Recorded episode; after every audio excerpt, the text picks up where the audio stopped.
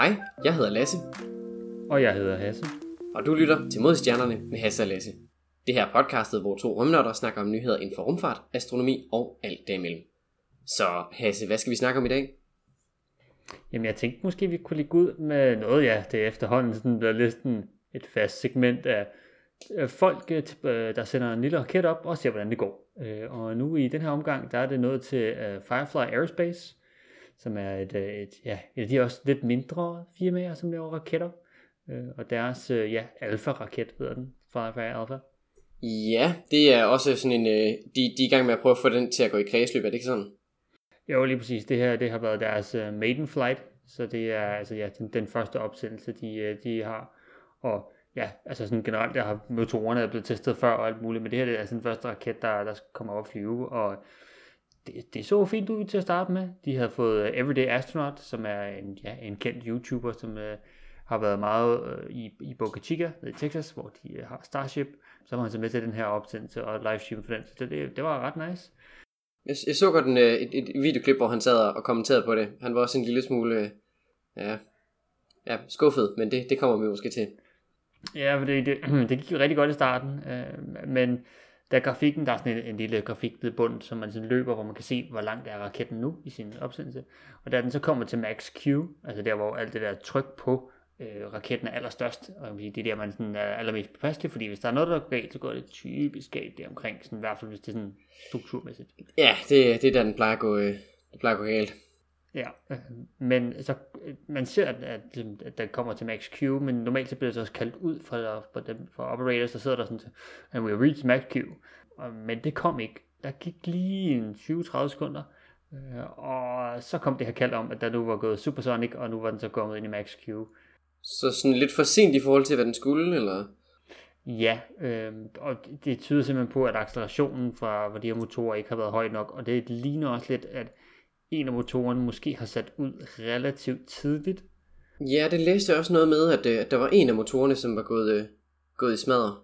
Ja, ja det, det ligner lidt, at den her motor simpelthen ja, ikke fungerede, og så ja, 2 minutter og 30 øh, ind i opsendelsen, der laver den her raket altså lige to skarpe vendinger, og så, øh, så eksploderer den simpelthen bare i et, øh, noget af en eksplosion, må man sige. Ja, er det, øh, kalder de det også en, en rapid unscheduled disassembly, eller?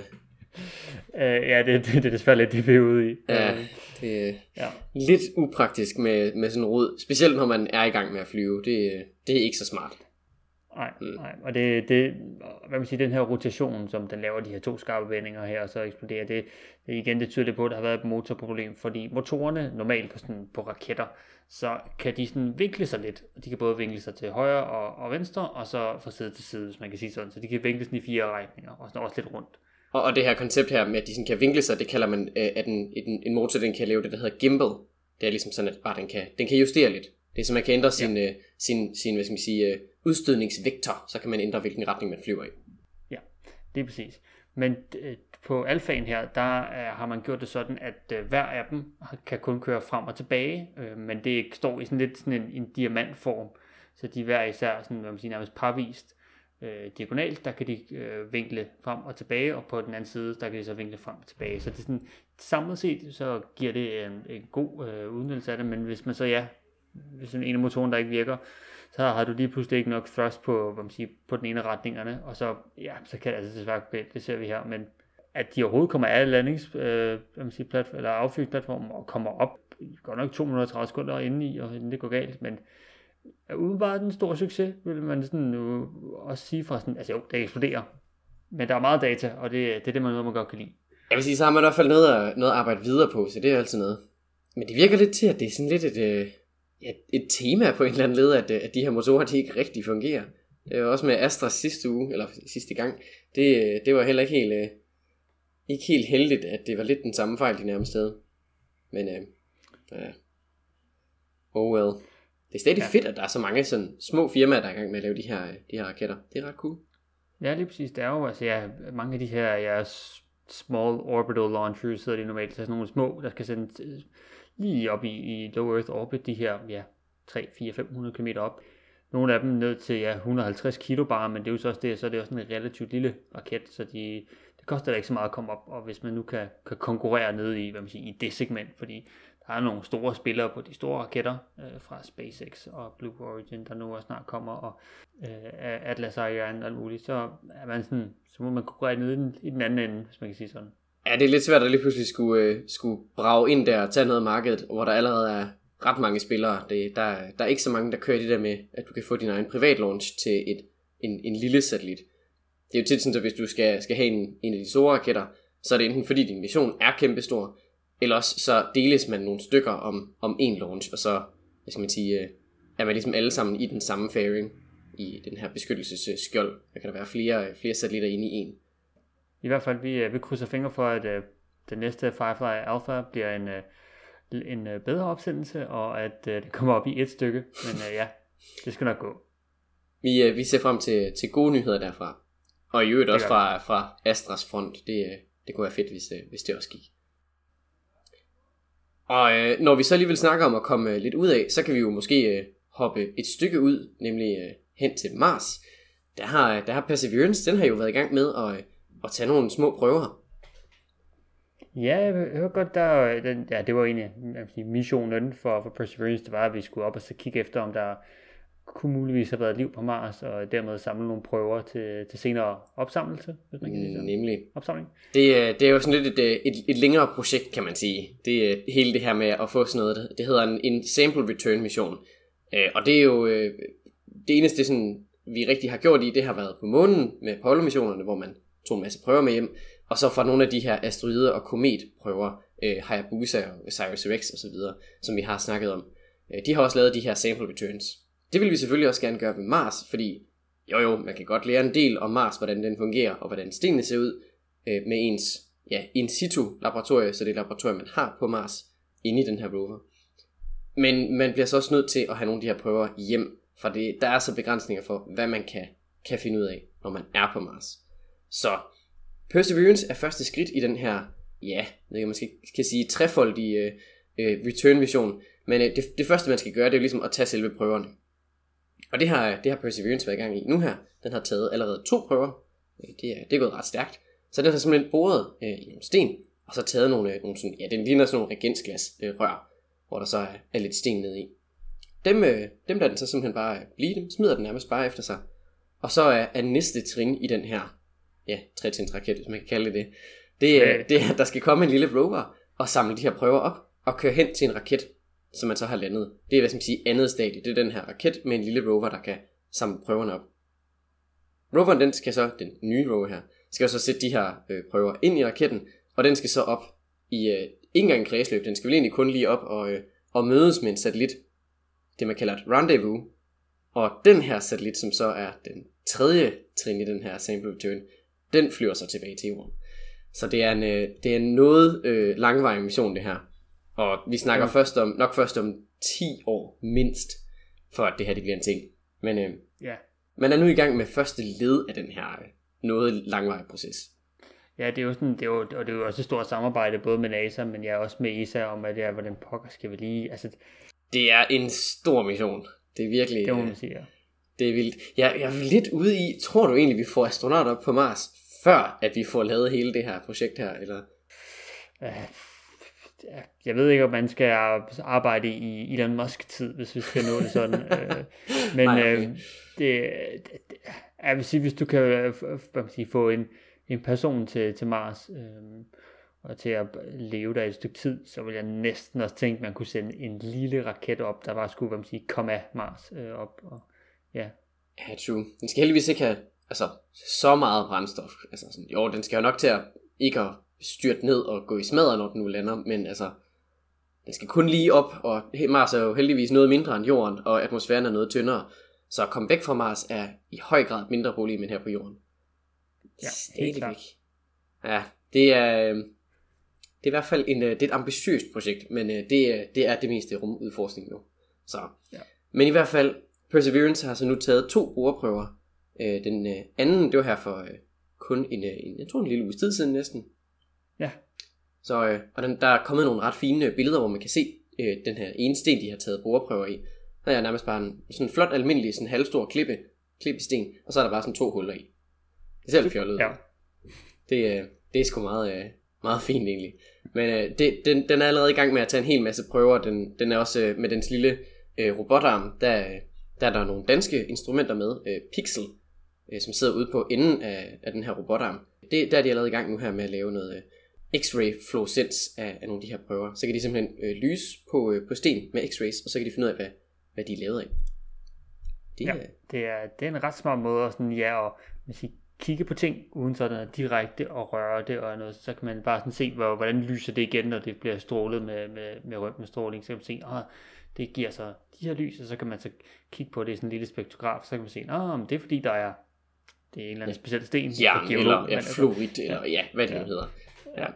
Det, er en, øh, det er lidt mere, hvad kalder man sådan noget, øh, mindre intrusiv, øh, intrusiv måde at, at måle på. Den har jo også ovenpå den der mast, der sidder øverst, det der, hvor den har sine øjne, hvis man kan kalde det det, i gåsøjne. Der har den jo også en lille laser, hvor den sådan kan, kan skyde på stenen, og så ud fra det, ja, sådan øh, damp, hvis man kan kalde det det, der opstår, der kan man, øh, der kan man også se, hvad, hvad den sten så bestod af. Der, altså, der ødelægger du så stenen, men det er kun de yderste lag atomer. Med, med x-rays, der ja, lyser du bare på det. Men øh, Lige præcis. det er, de er i hvert fald i, øh, i, i gang i stor stil med at, at tage både prøver og målinger og alt muligt. Så det, øh, det går altså rigtig, rigtig godt. Det er virkelig, det må man sige. Det er virkelig øh, fantastisk indtil videre. Det bliver, det bliver godt at se, hvad der, hvad der kommer, kommer løbende.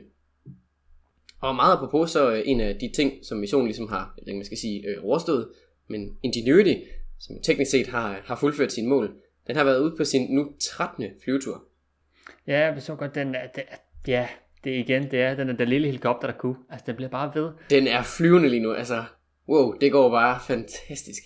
Altså, der er simpelthen noget, den, øh, den helikopter nærmest ikke kan.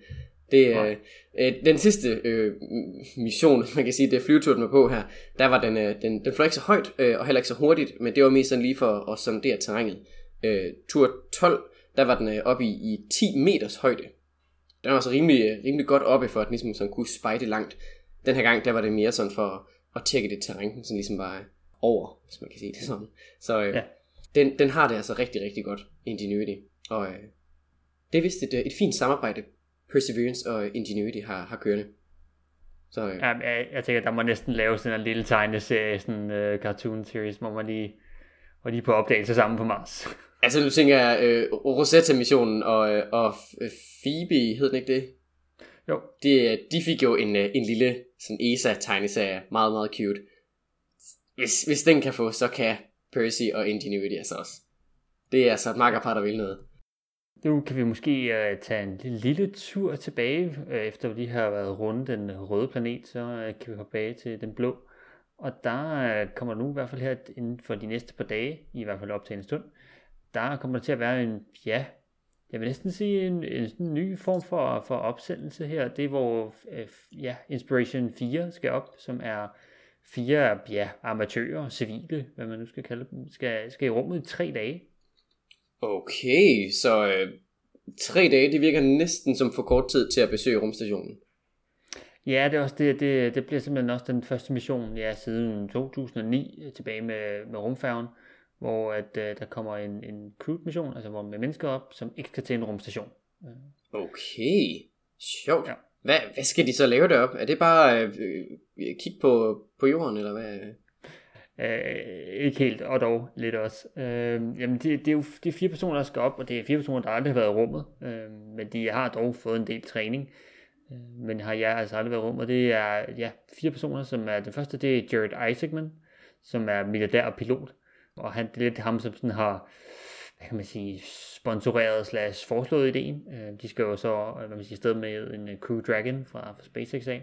Ja, er det ham, der, der lidt sådan... Øh giver nogle, øh, nogle, nogle penge øh, under bordet, eller, eller hvad, for at komme med? Uh, det er nok nærmere over bordet, Nå, og så okay. faktisk til en meget god kurs, uh, altså ja, for en meget god grund, fordi at pengene, uh, hvad jeg tror, størstedelen af, det, af pengene kommer til at gå til uh, et børnehospital i USA. Okay, okay, så, okay, så det, der er noget, noget, noget godt gørende der, okay, okay. Det må man sige, ja. Uh, så er der nemlig også uh, Cyan Proctor, hun er geolog, science communicator, Øh, og har tidligere været en af finalisterne til NASA's øh, astronauter tilbage i 2009. Kom desværre ikke med, men var en af de, øh, de sidste, der skulle vælges fra. Hmm. Okay, så, det, det er godt at vide, at men, øh, selvom man ikke kommer ind der, så kan man godt komme ud i rummet alligevel. Okay. Ja, lige og generelt pæn cool person, når jeg sådan lige uh, læser det om hende. Det er, ja, bare cool, og sådan, ja, jeg ved ikke, hvad jeg skal sige, hun er en sej person. Så er der også uh, Haley uh, Arsenor, Arkanor, ja, undskyld på forhånd. Det, det uh, kunne lyde fransk måske. Ja, det ved jeg ikke helt. Okay. Øh, men som, øh, som arbejder på øh, det her øh, hospital, og som øh, udover det, så hun kommer også til at være sådan, øh, hvad man sige, den øh, medical officer ombord, så har hun også overlevet knoglekræft. Okay, det er rimelig, øh, rimelig bladret at så øh, komme ud i rummet efterfølgende. Nice. Ja, ja, de er ja, generelt alle sammen sådan nogle rimelig sådan cool personer. Og så til sidst uh, Christopher Zabromski, som er tidligere Air Force pilot, altså i, i rum, eller i, uh, i luftfarten uh, over i, i USA, og så dataingeniør og arbejder nu til dagligt på Lockheed Martin. Ah, de, de plejer også at have ret, ret meget med rummet at gøre. Ja, det er præcis. Så de altså, ja, generelt cool, cool personer, der nu får ja, tre dage i rummet ombord på den her Crew Dragon. Og det er så at normalt ude i enden, øh, som man siger, spidsen af Crew Dragon, der er der jo så der, hvor øh, der bliver åbnet op, og så kan det ligesom dokke til rumstationen. Ja. Og i det her tilfælde, så skal de jo så ikke, har de ikke brug for det, så de har så lavet, der er lavet sådan en lille glaskuppel, så de kan så åbne op, og så er der bare en glaskuppel, så man kan sidde ah, hvor hyggeligt, så det er sådan lidt ala cupola på, øh, på ISS. Lige præcis. Ah, hvor fedt. Nice. Okay, ah, det er ret bladet. Okay, er der noget sådan om, om hvad de sådan, er det videnskab, de skal lave, eller er det mere sådan en, øh, hvad man skal kalde et PR-stund, men altså er det sådan for, for at skabe opmærksomhed, eller er det, skal de også lave, lave videnskab? Jeg tror, der kommer til at være nogle få øh, videnskabelige eksperimenter, men ideen er også, ja, øh, altså, det er for mig sådan lidt meget, meget amerikansk ting, men det er måske også meget en god ting, synes jeg, øh, at de her hver, hvad man sige, repræsenterer øh, fire forskellige sådan, værdier, som de gerne vil med i missionen, som er øh, lederskab, øh, håb, øh, generøsitet, og så, ja, jeg ved ikke, hvad jeg skal oversætte den sidste til, prosperity. Pas. Ja. Yeah. Ja. Det ved jeg heller ikke I hvert fald. I, øh, i hvert fald, øh, så hver især med leadershipet fra, ja, fra Jared af, som skal være øh, sige, commander ombord. Håbet med, øh, med Haley, som ligesom det her med, at hun har haft kraft og nu har overlevet det på en eller anden måde. Øh. Og så øh, generøsiteten, øh, det er så igennem Christopher, at det var egentlig en anden person, som skulle øh, ombord på den her tur, men øh, valgte så at give den her billet til hans gode ven Christopher her, som ja, altid har haft en, en lille drøm om at komme i rummet, og nu øh, med alt det, han arbejder med, nu skal i rummet. Og så selvfølgelig til Prosperity øh, med, øh, med Cyan, som er den her communicator og generelt bare cool person, der nu skal ud og ja, leve en drøm ud og forhåbentlig inspirere en masse øh, unge mennesker til at, at fortsætte, ja, følge drøm jeg tænker også, det hjælper en del at ligesom lave sådan en mission, hvor man så måske også kan, netop kan lave noget sådan public outreach i, i forbindelse med den mission her. Ja. Altså det har man jo gjort næsten lige så lang tid, man har haft, øh, haft mennesker i rummet. Det har været en del af det, og ligesom sådan promovere, at hey, rummet er cool. Det, det giver også noget, noget positivt i sidste ende. Så. Ja. Og ja, og så er der, så er der også lige øh, i de her dage også en Netflix-dokumentar omkring den her mission Inspiration 4. Mm. Så hvis man ja, gerne vil have en lidt dybere end lige det, vi lige kan ramse op her lidt omkring i, øh, i podcasten, så vil jeg helt klart kunne anbefale at se den på Netflix, fordi det, øh, den skulle være en rigtig fin øh, dokumentar. Selvfølgelig sådan lidt amerikansk med, at man ligesom er nogle af de bedste i verden, men det er måske også meget fint, når man øh, skal på sådan en lille ja, mission her. Det tror jeg, det er godt. Nice. Og med, øh, med sådan en lille sviptur, kommende sviptur ud i rummet, så øh, kan vi jo lige hoppe tilbage, fordi hernede på jorden, der har vi jo øh, ja, igen øh, nu gang i vores, øh, vores faste segment, som jo er brevkasse med Hasse og Lasse. Fordi det har vi nemlig fået endnu en mail fra Mathilde. Hilde. Og, øh, og hun skriver som følger. Tror det var ved afsnit 7, jeg hoppede med på Mod Stjernerne Ultimative Fanvognen. Jeg må have glemt alle jeres vise ord om mørkstof i mellemtiden. Nå, men jeg genhørte afsnit 7. Mørkstof giver nu cirka mening. Anyways, her for tiden kan man se Jupiter fra mit vindue om natten. Men hvordan definerer man størrelsen af en gasplanet? Hvornår starter dens overflade? Varierer det alt efter hvorvidt det er dag eller nat på planeten? Gassen bliver da tættere, jo mere temperaturen falder.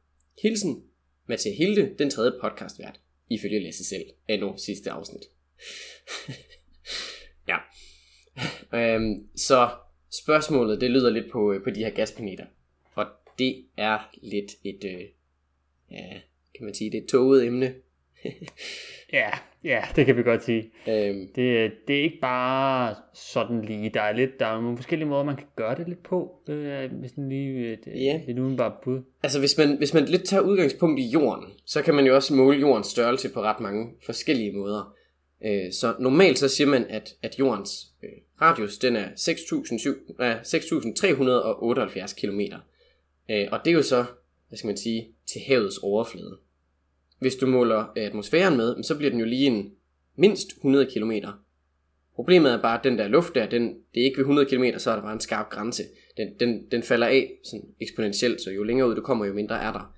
Men der vil næsten altid være noget. Der er altid en lille bitte, bitte smule. Så det er ret svært at sådan sige, om det går hertil. Agtigt. Øh, specielt øh, ved gasplaneter, der bliver det jo så sværere, fordi der har du kun en atmosfære nærmest. Øh, så, men øh,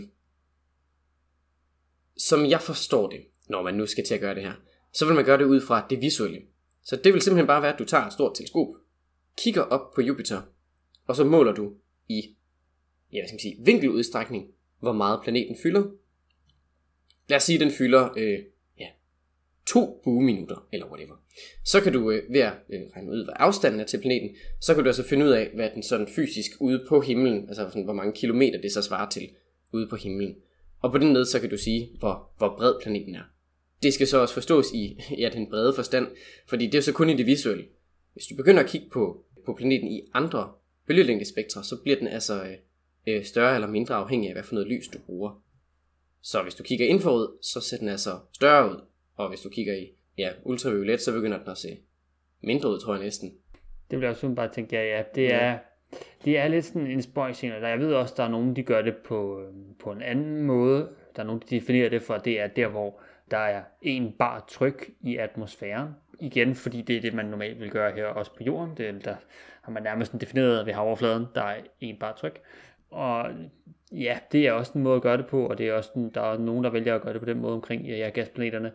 Og ja, det giver jo så et eller andet sådan, hvad man siger, et fælles punkt, hvor der er ja, en bar, men det er ikke et, hvad man siger, på samme måde fast defineret punkt, øh, som man øh, ja, selvfølgelig øh, kender det med, hvis du kun kigger i det visuelle. Øhm, og der er også nogen igen, som tager den en tal længere ud og bruger opaciteten, altså hvor gennemsigtig øh, med, at, man siger, øh, atmosfæren er. Øh, og så Det, det lyder virkelig arbitrært. Ja, igen, og så, så er det med en, en optisk dybde, der er to tredjedel. Fordi det gør man, sådan gør man det ved solen.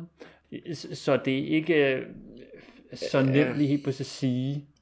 Ja, Og øh, du, du spørger også, øh, hvor starter dens overflade, og jeg ved ikke, om man så skal, ja, hvad kan man sige, dykke ned i Jupiters overflade. Øhm, fordi hvis du kommer ned igennem atmosfæren, så tror man, der på et tidspunkt langt nok nede er trykket så stort, og så er temperaturen så ja, voldsom, at der bliver hydrogen, som en af de st- største dele, som øh, Jupiter består af, bliver simpelthen så, man sige, så mærkeligt, at det bliver metallisk. Øh, Det er totalt mærkeligt at sige med en gas, for det giver ikke mening. Men øh, kan simpelthen blive trykket så meget sammen, at det bliver til sådan en metallisk overflade.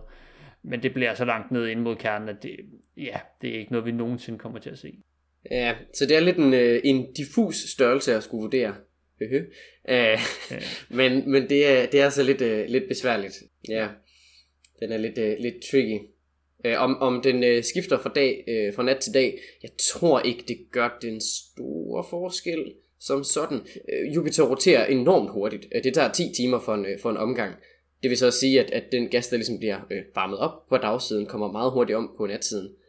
Så hvor den så bliver kølet ned, så temperaturen er stort set jævn over hele planeten. Der er ikke den, den store forskel fra nat til dag der. Nej. Øhm. Og også generelt så er der også mange store vinde og, og nærmest ja, storme om, på Jupiter, som, som blander det op, så det giver endnu mere til sådan, at det bliver en mere sådan uniform og sådan lige fordelt over, ja, Jeg, jeg tror mere, det er, det er de bånd, den har, der så måske kunne være temperaturforskelle. Men det er, det igen, det er, ikke, det er ikke noget stort. Nej.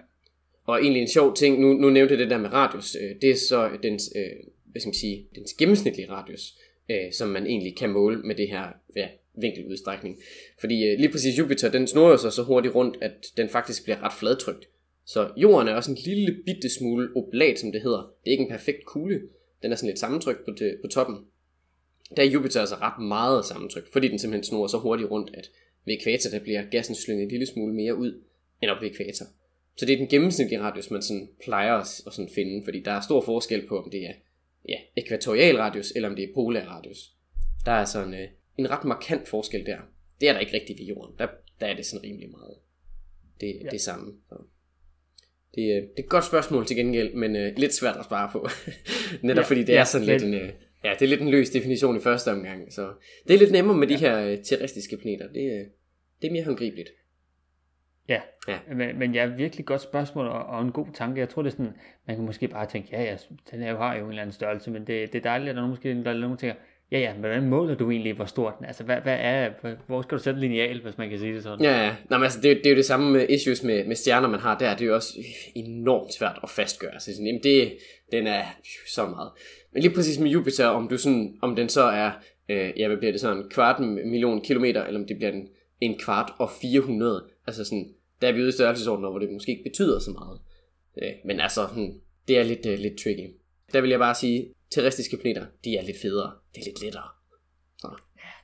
Det er sjovere, for dem kan, du lande, dem kan du lande på og sådan noget. Det, det, det kan du ikke i en gasplanet. De, de er pæne at kigge på og sådan noget, medmindre det er Uranus. Men ja, jeg vil altså også sige, det Jupiter er også sjovest med månerne. Det er månerne, der gør den sjov. Det er samme med Saturn. Ja. Og ringene er altså også pæne. Men ja, tusind tak for dit uh, spørgsmål. Vi uh, ser frem til flere, og selvfølgelig hvis andre også synes at skrive ind, så fyrer I bare løs.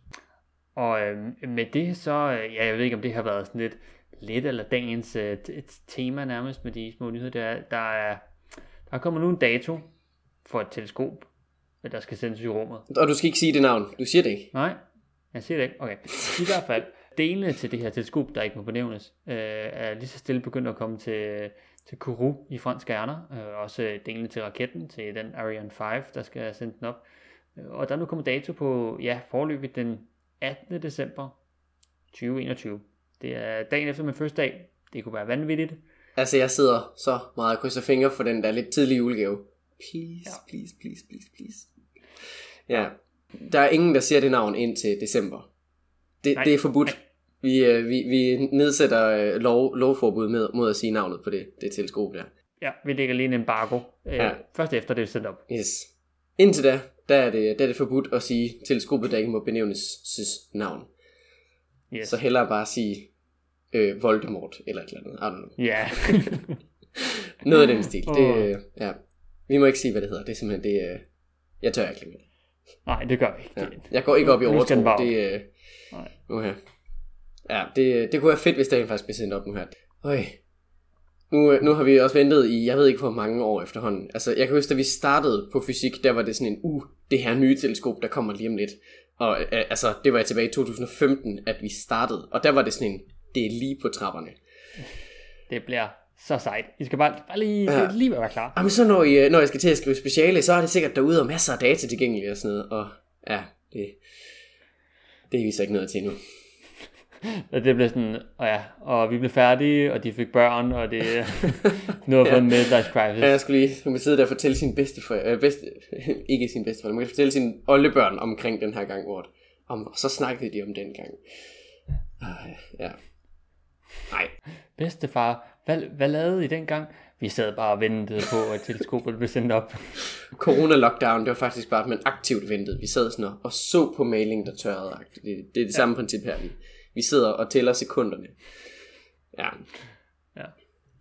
Nej, vi, øh, vi krydser fingre for, at det, det fungerer, til trods for mængden af bevægelige dele, som jo lidt er en forbudt ting i rummet. Men, øh, ja. ja. Og der går jo så lige fra selve opsendelsen af øh, det her forbudte, øh, eller ikke, det, det, det teleskopet vi ikke må benævne, der går altså lige et par måneder, før den rent faktisk skal ude ved Lagrange punkt 2, hvor den sådan skal være. Ja. Og, og selv når den så kommer derud, så skal den jo så også lige folde sig ud og så videre. Så der er en helt, øh, en helt lang sådan, deployment fase, som tager altså måneder. Ja. Så. Og så er der ja, commissioning phase, hvor altså, de begynder at tjekke, at altså, godt nok hvad alting er foldet ud, så øh, skal man også tjekke, fungerer alle systemerne stadigvæk, og begynder at få de, når man så begynder at tage de første målinger, ser det også pænt ud, og sådan, ja, der kommer til at være sindssygt mange ting. Uh, ja, jeg glæder mig til first light. Uha. Uha. Det bliver spændende. Det gør det. Og med det, så tænker jeg, at jeg vil sige tak, fordi I lyttede med i den her uge. Hvis I har ris, ros, ting vi skal snakke om, gode spørgsmål, billeder af Jupiter og øh, din egen øh, lineal ved siden af, så vi kan se, hvor stor den er, så øh, send en mail til os på modstjernerne eller så kan du skrive til os inde på vores, øh, vores Instagram, hvor du bare slide into our DM's, og selvfølgelig følge os derinde. Og, øh, og så kan du selvfølgelig følge podcastet på din yndlingspodcast tjeneste. Vi snakkes ved i næste uge.